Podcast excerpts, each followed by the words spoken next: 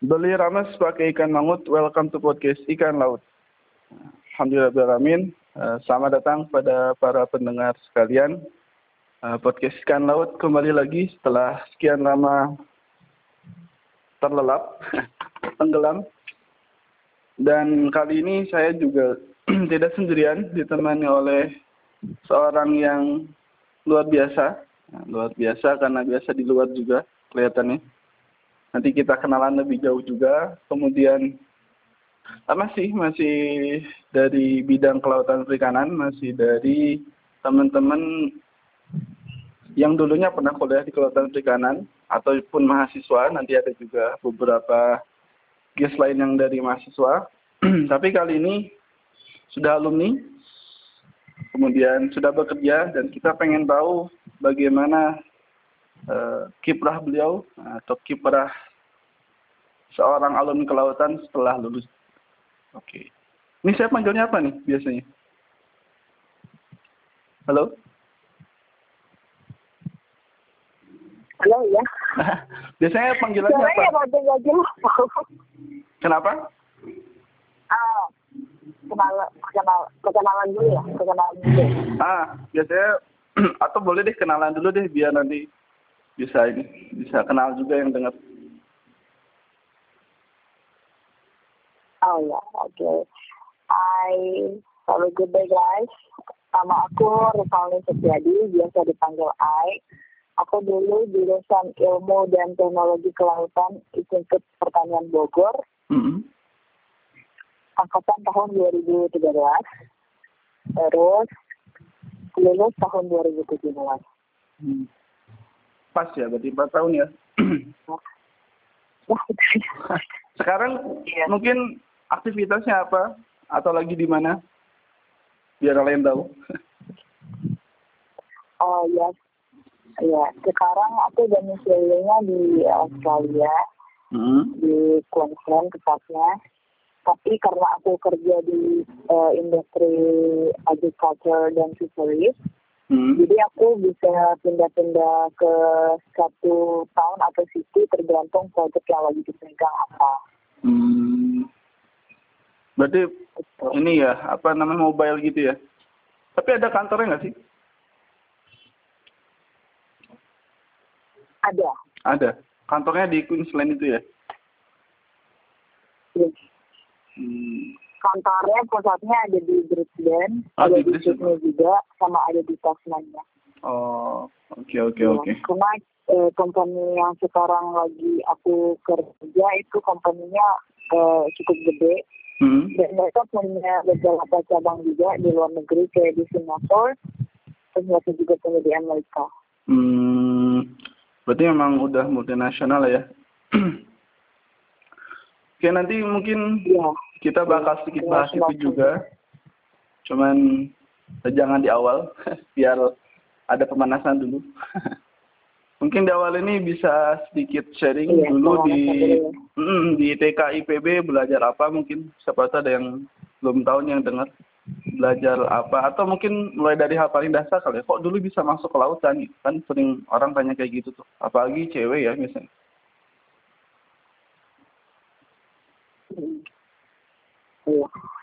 Sebenarnya uh, aku tahu banget sih jurusan kelautan sama perikanan itu kayak jurusan yang benar-benar nggak dilirik sama uh, orang Indonesia ya. Hmm, Khususnya kayaknya mungkin anak muda karena sepertinya jurusan kelautan sama perikanan itu kayak nggak ada masa depan kayak kamu mau jadi nelayan gitu setelah lulus kuliah. Yeah. Enggak uh, itu sama perikanan itu luas banget karena di, di jurusan aku sendiri dulu kita belajar ada empat departemen ada biologi laut, ada akustik kelautan, terus ada instrumentasi kelautan, ada oceanografi, sama ada uh, eh, SIG sistem informasi geografis. Jadi semuanya kita pelajarin dari ilmu tentang hewan-hewan laut, ilmu tentang teknologinya kita pelajarin. Jadi menurutku eh, kenapa aku masuk ke IPK IPB karena itu menurutku jurusan yang emang paling komplit untuk belajar ilmu dan teknologi dari kelautan khususnya di Indonesia. Nah, apa aja sih yang kita pelajarin? pastinya banyak banget karena itu uh, jurusan yang menurutku kompleks banget uh, ilmu dan teknologi. Tapi yang menyenangkan di sini atau buat khusus cewek ya kita bisa eksplor laut, kita bisa mengenal potensi dari lautnya Indonesia dan kalau misalnya kalian ditanya emang setelah lulus jadi apa gitu, hmm. itu bisa banyak banget. Kita bisa masuk ke industri seperti uh, perikanan, kita bisa masuk ke informasi geografis juga karena kita juga belajar bagaimana pemetaan wilayah. Terus kita juga belajar gimana teknologinya. Dan kalian bisa mungkin menjadi maintenance dari perusahaan-perusahaan kayak industri perminyakan terus yang membutuhkan teknisi-teknisi yang pastinya punya skill ya. Karena hmm. kan kalau misalnya kuliah ya emang kita belajar gimana caranya dapat teori dan skill yang bisa nanti kita di lapangan pekerjaan. Hmm. Nah, nggak cuma itu doang, kuliah di uh, ilmu dan di ilmu kelautan dan teknologi itu, uh, kelautan itu menurutku banyak banget benefitnya. Karena sekarang yang lagi isunya yang lagi hot banget itu kan emang pamerin ya kelautan. Betul. Jadi kalau misalnya peluang kalian ingin S2 ataupun bisa uh, istilahnya di internasional ya kayak misalnya exchange student atau apa pun itu gampang banget karena mereka emang benar-benar di dunia internasional tuh kelautan itu emang benar-benar lagi dicari hmm. lagi benar-benar lagi dibutuhin banget gitu. Hmm. Oke okay, oke. Okay. Berarti dulu memang pilihan utama gitu ya, bisa dikatakan begitu? Gimana? Uh, dulu memang pilihan pertama gitu, kelautan ini. Pas, pas SMA itu. Iya, dulu waktu SMA aku juga cuma pengen masuk ke IPK IPB nggak ada yang lain. Jadi Buh, kan dulu sekali. masuknya lewat uh, jalur undangan ya. Hmm. jadi cuma pilih IPK IPB nggak ada pilihan ya. lain jadi ya udah. Terus dapet deh. Berarti termasuk manusia langka ya? Takdir kali ya. Termasuk manusia ya, langka kayaknya. saya dulu kan waktu tahun 2013 ya, itu kan belum belum ramai Iya, iya. E, banyak sebenarnya yang mempertanyakan, kamu yakin mau ambil jurusan kelautan? Ini kan jurusannya kayak nggak ada prospek ke depan. Terus aku dengan yakin, aku bilang, ya nggak mungkin lah orang di Indonesia kan lautnya yang paling luas. Hmm. Lebih luas daripada daratan kan. Aku bisa ya, gitu. Terus lagi pula aku pengen mengubah pemikiran orang-orang gitu. Kalau misalnya nelayan itu miskin, sebenarnya nelayan kita itu bisa kaya asal sistemnya itu jelas. Hmm, Terus betul. marketing segala macam untuk uh, ya untuk uh, ikan ataupun industri perikanan itu itu kalau misalnya terstruktur itu bagus banget makanya sekarang di company aku aku belajar banget tentang aquaculture, tentang fisheries, agriculture yang ada di Australia. Hmm. Semoga harapannya itu bisa ngebantu nanti kalau misalnya balik ke Indonesia gitu. Iya iya iya. Terus tadi kan sempat disinggung ya gue barusan banget disinggung bahwa ya sebagaimana halnya bidang lain ya kelautan dan perikanan juga kan punya sekian banyak masalah gitu. Salah satunya dari nelayan kemudian dari sumber daya alamnya sendiri begitu loh. Mungkin uh, bagi kamu sendiri yang uh, memang sekarang kerja di bidang agrikultur ya terus dulu juga kuliah di kelautan menurutmu masalah yang krusial yang dihadapi oleh Indonesia hari ini berkaitan dengan kelautan perikanan itu apa sih?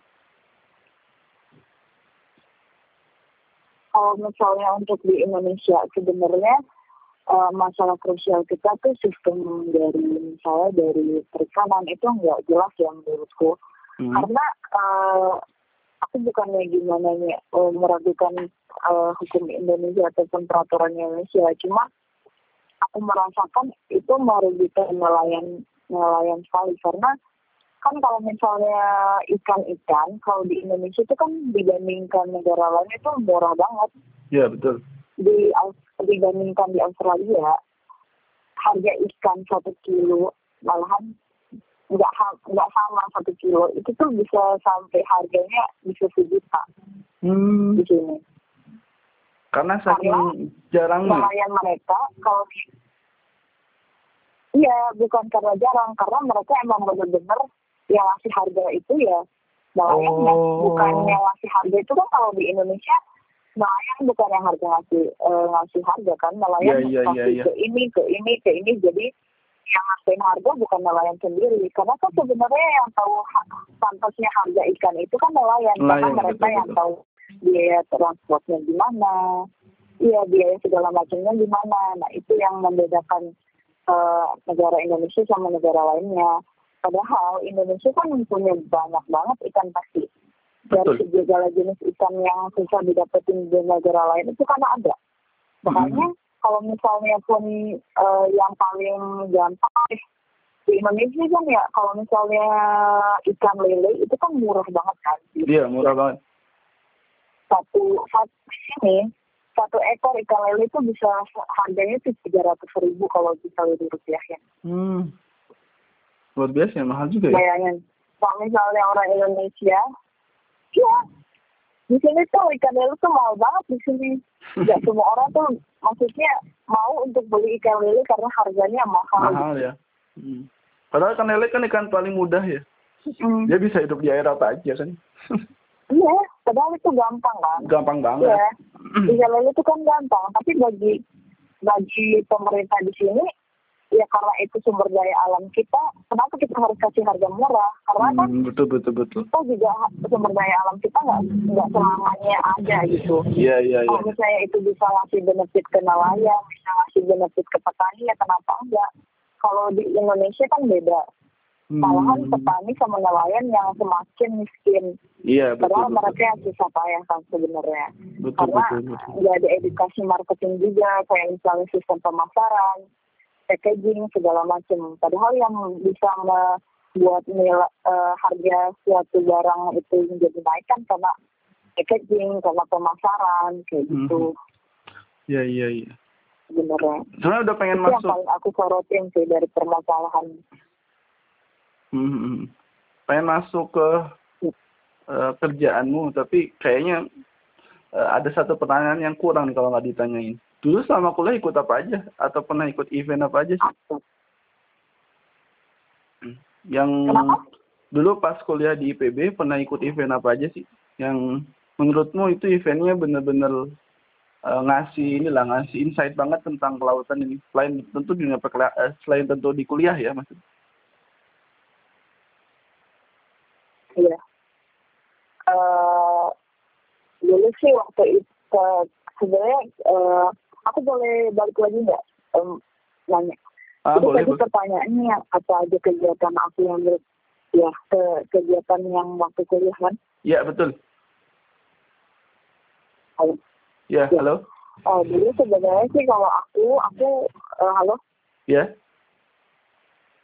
Ya dulu waktu kuliah sih sebenarnya aku tipe kalau mahasiswa yang aktif ya karena aku ngerasa selama kuliah kenapa kita harus diam untuk menggali ilmu lebih dalam maksudnya hmm. mencari koneksi karena kan kuliah itu bukan hanya uh, kita belajar terus cari gelar ya, itu kan enggak juga karena kita juga butuh uh, networking kita butuh pengalaman supaya bisa gimana teamwork gimana skill kita untuk setelah lulus kuliah kan. Jadi dulu aku waktu kuliah itu ikut berbagai macam organisasi Hmm. Aku ikut ISEC IPB. Hmm. Kalau tahu ISEC itu adalah organisasi internasional. Hmm. Terus aku juga ikut proses. Kalau proses itu forum ilmiah seperti nulis-nulis gitu kayak oh, ilmiah gitu. Iya iya iya. Ya. Terus uh, ya proses IPB kalau tahu.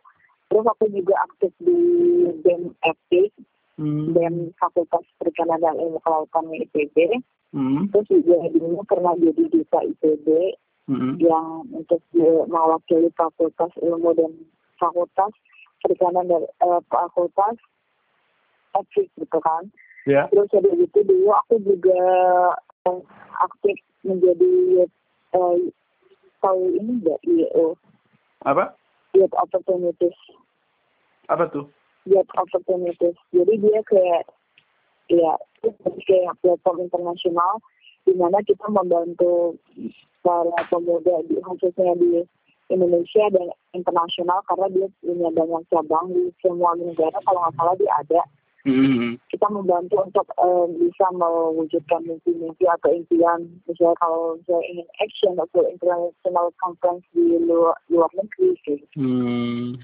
Ya, ya, ya. Banyak juga ya Terus aku beraktivitasnya. dulu juga award di iya aku juga dulu award di dari beasiswa aktivis Nusa Mara kalau tahu. Hmm, Bakti Nusa ya. itu. Iya, iya, iya. Iya. Saya juga sempat ini sih, sempat browsing ya kemarin kan setelah mengundang kemudian ternyata dapat respon, saya coba browsing dong gitu. Siapa sih eh, Rivalni ini gitu. Terus ternyata lumayan banyak juga sih berita tentang kamu kayaknya di Google nih. Dari yang mewakili Indonesia di Iya. ajang SI internasional saya lupa di Thailand ya kalau nggak salah ya.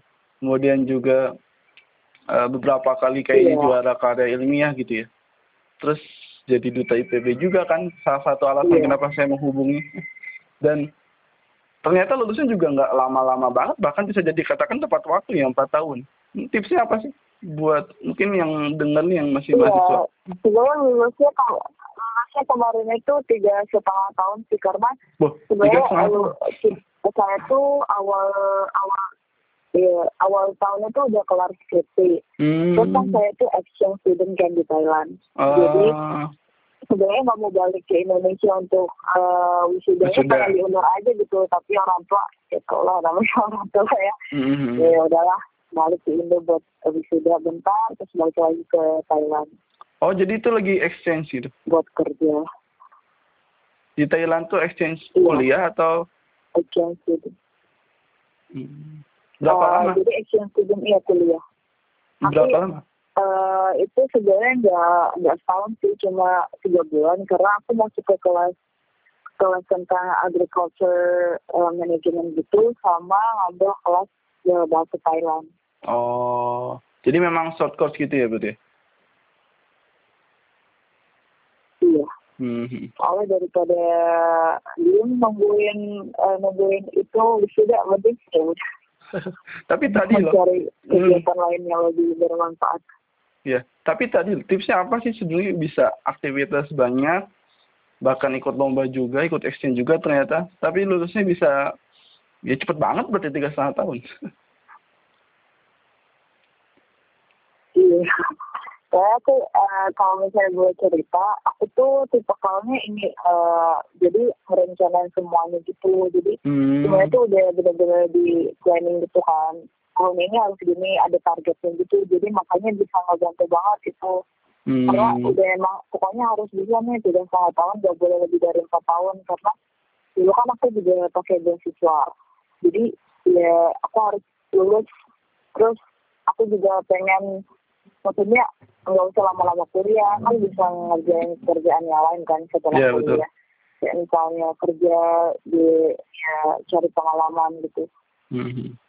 gitu makanya bisa Berarti ini ya eh, well planned lah ya, segala sesuatu direncanakan dengan baik gitu ya. iya Hmm. Terus eh ini udah mulai masuk nih. Berarti kan sekarang kerja di dunia agriculture dan fisheries ya. Iya kalau bisa diceritain nggak sih hubungan antara dulu kuliah dan sekarang ada nggak sih atau di mana hubungannya gitu?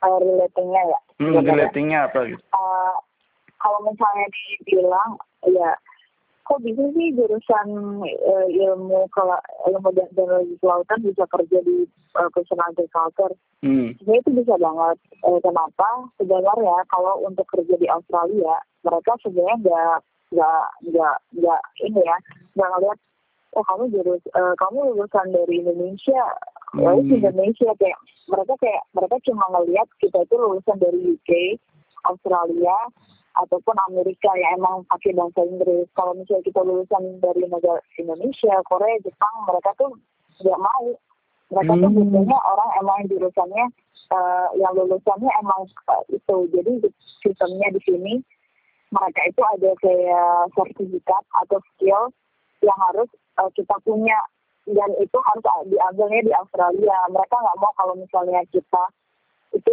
skillnya itu diambil dari negara lain jadi makanya Oh. pekerja di sini pun itu ya apa pun itu butuh skill even kita tukang nyeberangin jalan itu tuh ada sertifikatnya ada skillnya Hmm. gitu jadi makanya kalau kalau misalnya mau kerja di sini tuh harus dari nol lagi sebenarnya dari harus dari nol lagi dipelajarin.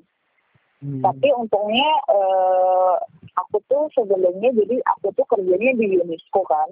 Hmm. aku kerjanya di UNESCO sebelum kerja yang sekarang ini. Terus aku dapat dipindahin ke branch yang di Australia. Dan waktu aku di sini aku punya aku berusaha untuk dapat banyak networking dan aku ya, eh, kasih kasih portofolio aku selama waktu kuliah kan kalau kuliah di Indonesia kan aku syukurnya kita kan dikasih banyak project tuh kayak misalnya KKN lah, Ya, PKL betul, lah, betul, kita field trip lah segala macam. Nah aku kumpulin tuh buat dijadiin portofolio. Bagi mereka kan, wah orang ini udah belajar nih tentang agriculture, orang ini punya Hmm. pengalaman tentang fisheries ataupun aquaculture. Hmm. Jadi mereka bisa pertimbangin kitanya gimana. Makanya waktu itu kan eh, company yang sekarang lagi buka lowongan kan. Ya. Jadi aku aku sih prinsipnya selama itu gratis, ya kenapa nggak boleh dicoba? coba aja lagi. Ya, Kan ya, kalau ya. misalnya gagal kan, ya kalau gagal kan kita tahu tuh kita tuh gagalnya di bagian mana, jadi kita bisa perbaiki. Dan Hmm. alhamdulillah, ya aku diterima. Terus aku waktu jadi aku resign dari UNESCO karena sebenarnya aku kan pengennya belajar tentang pertanian di Australia, terus gimana perikanan mereka juga Hmm. terus gimana aquaculture mereka juga karena intinya kan sebenarnya aku pengen balik ke Indonesia buat buat sistem aku sendiri nanti kalau misalnya balik ke Indonesia tentang agriculture ataupun fisheries Fisheries-nya ya. kan sebenarnya Hmm. kalau misalnya sistem kan kita bisa perlahan ya Ya, ya. perlahan-lahan untuk di educate ataupun diperkenalkan ke nelayan ataupun eh, pertanian gitu kan dan Mhm. pengen juga sih nge ini apa ngubah pola pikir anak-anak muda kalau misalnya kan orang tua kan susah ya karena pola pikir mereka kan udah emang udah kebentuk jadi ya kayak eh, possibility-nya tuh ya 0, beberapa persen doang untuk dirubah kan. Jadi ya kenapa enggak kita bisa educate eh, anak-anak muda untuk lebih aware, lebih mau untuk menggeluti dunia pertanian ataupun kelautan seperti itu. Mhm. Berarti memang eh, selain ada kesempatan ya tadi karena pas di Australia juga kan dan ternyata buka lowongan ada misi tersendiri ya yaitu untuk eh, mengencourage dan mendorong agar generasi muda ini juga aware terhadap dunia ini gitu kan ya suatu saat nanti gitu. Iya benar. Mhm. Terus eh rencananya berapa lama atau kontraknya berapa lama kerja di di sana? Sebenarnya di sini tuh eh, aku tuh udah full time kan, jadi nggak ada kontrak harus berapa lama. Tapi aku rencana eh, tahun 2025 aku bakalan balik ke Indonesia. Oh, jadi Gitu. renta- rencana jadi memang nggak ada kontrak tapi kamu sudah merencanakan sendiri gitu ya? Nggak ada Iya, ini, aku nggak ada kalau mau sampai mati di sini juga nggak apa-apa. nggak ada rencana buat ngambil kuliah lagi mungkin mumpung masih di Australia gitu. Ah, sebenarnya sih enggak ya. Kalau Hmm. eh, sebenarnya aku tuh kemarin i- aku kan ngambil ke college gitu kan. Jadi kan kalau di sini sistem edukasi edukasinya kan nggak kayak Indonesia ya. Kayak misalnya eh, S1 S1 monoton S2 S2 gitu. Kalau di Ya, sini enggak eh, pendidikan itu sangat luas gitu. Hmm. Karena mereka kan kalau misalnya mau ini harus dapat ada kayak horticulture award, ada sertifikat one, two, three, ada diploma, ada bla bla bla. Jadi luas banget. Jadi aku sih pengennya, aku sekarang sih lagi sekalian juga belajar gimana eh, agriculture. Karena di sini di sini kan beda banget kan sama Indonesia. Hmm. Jadi aku pengen lebih gali lagi ilmu yang aku punya gitu. Karena Hmm. dia masih muda kan, kenapa enggak gitu. Iya, nggak ada batasan juga kan buat belajar. Betul betul betul. Berarti memang sudah sempat bahkan ini ya udah ada kepikiran ke sana juga ya. Cuma mungkin nggak nggak sesistemik yang ada di Indonesia gitu ya ininya sistemnya ya. Iya.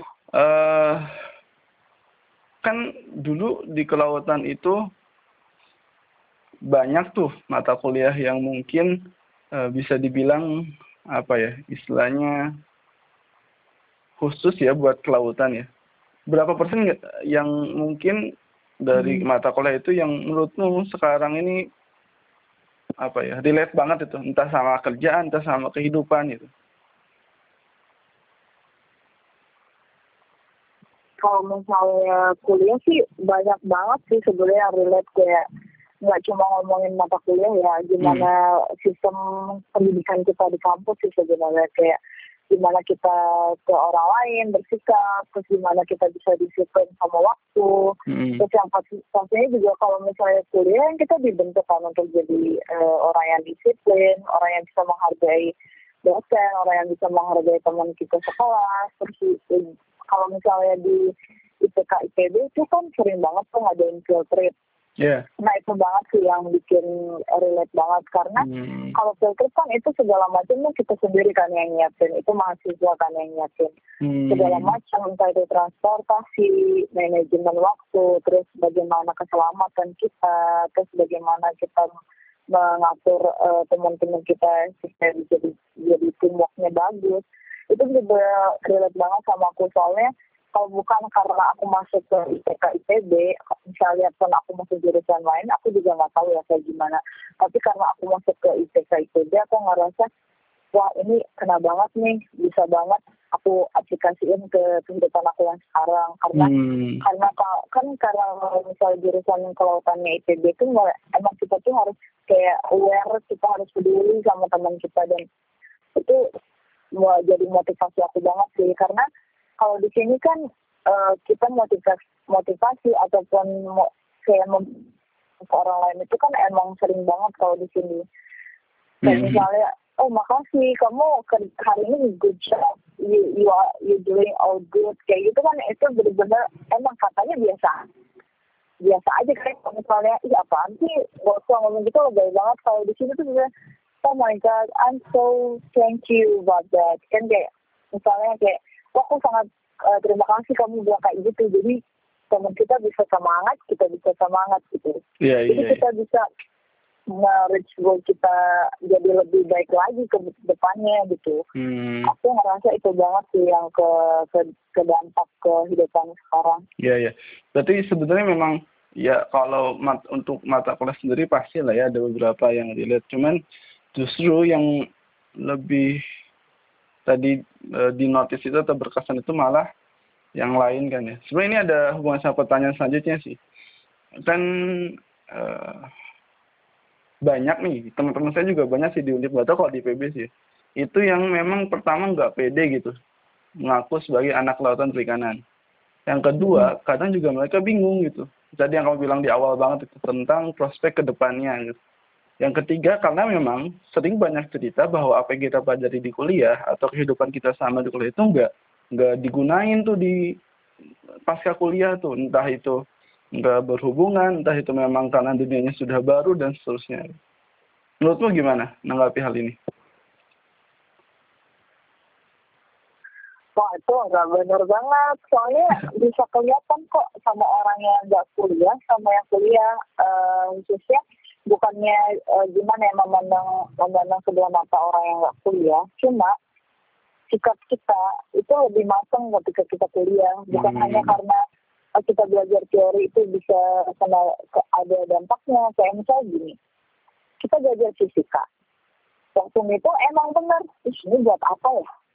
Tapi coba deh kita mikir kalau misalnya nggak ada fisika itu kita nggak bakalan tahu sebab dan akibat dari suatu hal itu apa. Kayak misalnya kita belajar buat infrastruktur, kita belajar gimana gejala bumi. Kalau misalnya kita nggak belajar ilmu-ilmu dasar kayak IPA ataupun IPS, ya kita nggak bakalan tahu. Kita bakalan kayak, ah mungkin ini emang takdir, kayak gitu kan. Itu kan nggak saintis banget kalau misalnya kita hmm. cuma, oh iya ini takdir. Enggak kan? Iya, yeah, iya, yeah, iya. Yeah. Dan dunia kuliah itu sebenarnya uh, bukan hanya kita dapat nilai A, enggak tapi gimana prosesnya buat kita dapetin itu? Jujur nggak? Hmm. tapi sorry. curang kan? Hmm, sorry nyelan kalau kita de ya. Uh, uh, apa ya? Sebenarnya tadi ya, gini ya, uh, apa namanya? Uh, betul ya tadi dan ya itu pelajaran yang besar juga sih gitu, buat para pendengar juga pasti. Cuman maksudnya ini lebih ke anak lautannya sendiri yang dia nggak pede dengan kelautan perikanan itu. Yang mungkin kamu punya sedikit pandangan terkait hal itu kan banyak tuh. Nggak tahu makanya tadi di PB nggak tahu sih kalau di Undip sendiri dulu tempat saya kuliah itu banyak yang memang tadi nggak pede dengan kelautan perikanannya. Akhirnya banyak pindah jurusan gitu loh di tengah jalan pindah jurusan. Atau bahkan memang setelah kerja itu nggak sama mm -hmm. sekali minat untuk kerja di kelautan perikanan. Karena tadi tidak tidak menemukan uh, relat apa ya keterhubungan lah antara yang dipelajari di kuliah sama setelahnya. Khususnya yang kelautannya ya mas Iya. Uh, itu juga sebenarnya banyak, nggak cuma nggak cuma di satu universitas aja kan. Hmm. Karena sebenarnya di uh, IPK IPB aja tuh banyak ketika lulus tuh banyak yang gak relate sama perikanan dan eh, kelautan. Cuma kan kita balik lagi sama diri kita sendiri kan. Uh, kalau misalnya emang kita nemuin fashion uh, tentang ilmu kelautan dan perikanan itu kan balik lagi itu lu luas banget. Nggak cuma gimana caranya kamu bisa nangkap ikan di laut enggak. Betul, itu betul, enggak. betul. tapi kan uh, dibalik lagi kayak misalnya uh, untuk prospek ke depan itu banyak banget. Kayak misalnya kita kerja di NGO UNESCO aja, uh, aku boleh tanya nggak? Kamu menurut kamu UNESCO orang UNESCO itu butuh nggak sih. basic uh, ilmu dan teknologi kelautan atau ilmu kelautan? Sebelum ke, sebelum kenal kamu sih enggak sih. Setelah tahu mungkin iya. Iya kan? ada yang tahu, nggak ada yang tahu karena ya sebenarnya UNESCO itu kan uh, eh, UN yang di bidang edukasi sama sains. Kebudayaan. Hmm. Tapi kalau misalnya kamu telusuri lagi, itu program mereka banyak banget tentang environmental, mereka juga belajar tentang marine. Karena edukasi di dunia itu tuh nggak cuma gimana caranya kalau bisa baca sama ngitung. Tapi hmm. mereka juga pro, punya program edukasi untuk mengenalkan dunia kelautan ke anak-anak. Hmm, betul, betul, betul, betul. orang-orang ya, ya kan? Karena sebanyak banget nih contoh contoh nyatanya. Banyak banget aku tanya kamu tahu nggak bedanya uh, ini rumput laut sama sigres? Sigres kan rumput laut kan. Tapi hmm. ada satu lagi tuh, lamun. Coba kamu tahu nggak lamun rumput laut? Itu kalau misalnya kamu tanya orang jurusan lain, pasti mereka nggak tahu. Betul, nah, betul. itu padahal penting banget, karena lamun sama rumput laut kan beda. Iya, beda. Uh, benefitnya beda, manfaatnya beda. Nah, hal-hal segala kayak gitu, orang-orang itu nggak eh, nggak pikirin tapi kalau misalnya kita lihat dampak besarnya itu tuh berguna banget khususnya buat orang-orang yang tinggal di pesisir. Hmm. Karena iya, iya, iya. nggak yeah, yeah. mungkin kan orang kota yang melindungi daerah pesisir. Yang lindungi kan anak-anak yang ada di daerah pesisir. Iya, yeah, iya. Yeah. Yang lindungi kan orang-orang yang tinggal di situ. Ya hmm. kan? Nah, makanya dari itu. Jadi, itu NGO ataupun nggak nggak mau kamu jurusan ilmu kelautan pokoknya harus jadi nelayan supaya kelihatan tuh kamu emang benar-benar anak ilmu uh, ilmu kelautan. Nggak nggak bisa dong karena yeah, kan yeah. luas. Kamu bisa kerja di NGO misalnya kamu kamu ngejelasin tentang penyu kamu ngejelasin bedanya penyu sama kura-kura itu jelas beda kan. Tapi kalau bagi orang awam oh itu kura-kura laut itu tuh kura-kura laut bukan penyu. Ya kan? Karena yeah, mereka nggak yeah. tahu jadi kita yeah. siapa yang kasih edukasi? Ya kita yang belajar, makanya betul, itu. Betul, betul. Jadi kalau menurutku uh, pemikiran orang itu tuh harus benar-benar kita educate lagi, apalagi anak muda, khususnya anak-anak SMA. Karena kalau misalnya bukan mereka, siapa lagi gitu? Nggak mungkin kan orang-orang yang udah tua belajar lagi di jurusan ilmu kelautan. Gitu. Iya, iya. Berarti emang kata kuncinya kalau saya boleh simpulin itu lebih ke perspektif kita dalam memandang kelautan perikanan itu sendiri ya. Jangan sampai dipersempit hanya dengan aktivitas tertentu. Tapi kita bisa kok gitu. Dengan passion kita hari ini, entah itu mungkin yang passionnya jualan, entah yang jadi guru, hmm. entah mungkin yang bahkan kerja di kontraktor sekalipun, selama dia memang menjaga perspektif kelautan perikanannya kan bisa aja kan lewat bidang masing-masing berkontribusi gitu ya. Gitu ya. Iya benar banget. Hmm. Jangan sampai kita mempersempit ilmu kita di satu hmm. sisi aja. Betul betul. Dan banyak sisi lain. Hmm. Ini kayaknya memang nggak akan cukup ya. Cuman kalau kelamaan uh, khawatir yang dengar juga bosen. Mungkin sebagai penutup aja. Punya pesan gak sih buat uh, ini kan seperti temanya kan kelautan di mata milenial kan ya sekalipun kita katakanlah udah bukan milenial lagi sih ya, udah hampir maksudnya kita belum termasuk milenial kan, 95. 95 kan ya? Eh, aku. Atau tahun berapa lahirnya? Nebak aja Halo? saya. Halo? 94. 94 ya, malah malah lebih satu tahun.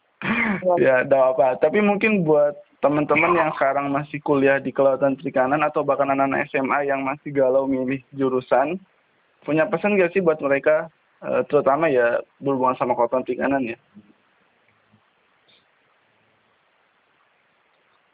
Ya. Kalau bisa sih kalian harus masuk di jurusan ilmu kelautan hmm. ataupun ilmu kelautan dan teknologi kelautan. Karena apa? Karena kalau bukan kalian, nggak mungkin kan jurusan biokimia yang disuruh eh, untuk kerja di industri perikanan dan kelautan. Ya betul. Jadi kalian harus mengisi ruang kosong untuk lima uh, ke depan di industri perikanan dan kelautan. Okay. Kalau uh, kalau misalnya kalian ingin ke kerja di uh, international NGO seperti United Nations atau PBB, itu banyak banget peluangnya buat anak-anak uh, yang emang lulusan dari ilmu kelautan ataupun ilmu kelautan dan teknologi kelautan. Hmm. Jadi jangan takut, jangan kayak panik sendiri. Selama kalian menemukan passion kalian, kenapa enggak? Lanjut yeah. aja dulu. Kita lihat gimana selanjutnya. Siap, luar biasa sekali pesannya. Ini nanti bisa di notice nih buat teman-teman semua yang memang masih ragu atau bahkan yang udah kuliah tapi masih setengah jalan, setengah hati bisa lebih dimantepin lagi dijelasin lagi plannya karena ternyata tadi luas banget ya seluas kelautan itu sendiri ya yang memang ternyata uh, lebih luas laut atau perairan daripada daratan itu sendiri. Oke, makasih banyak nih uh, Rivalni ya. Semoga nanti kalau ke Indonesia bisa oh iya Ai, Ai ding, Ai. Semoga nanti kalau pas ke Indonesia bisa main siapa tahu kan atau ya bisa ketemu mungkin sharing-sharing lebih jauh lebih lebih enak kan kalau ketemu ya, langsung. Oke, makasih banyak ya. Oke, Ya. Assalamualaikum. Ya. Hmm. Waalaikumsalam. Waalaikumsalam.